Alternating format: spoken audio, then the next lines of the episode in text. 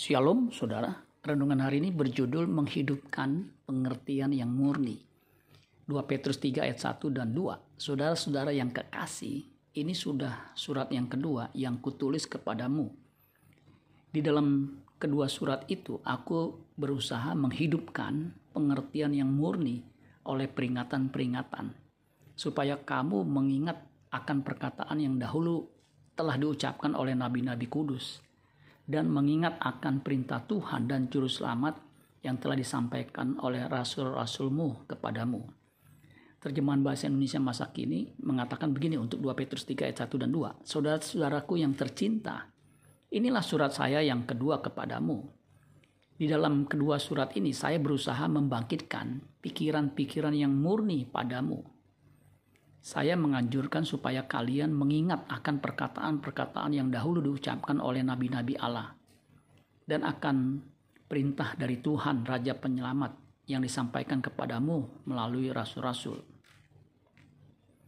Pengertian kita bisa padam atau mati.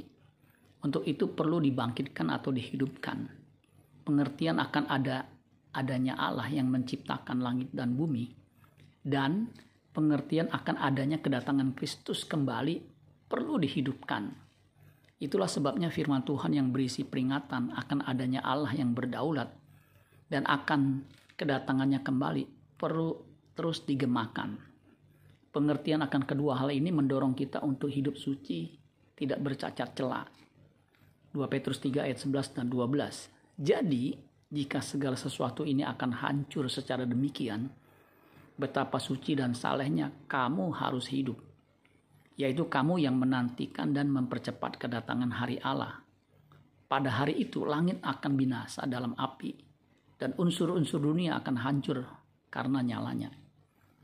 Firman, firman Tuhan yang murni akan membangkitkan gairah kita untuk menantikan langit baru dan bumi yang baru dan untuk berusaha hidup suci tidak bercacat dan tidak bercela.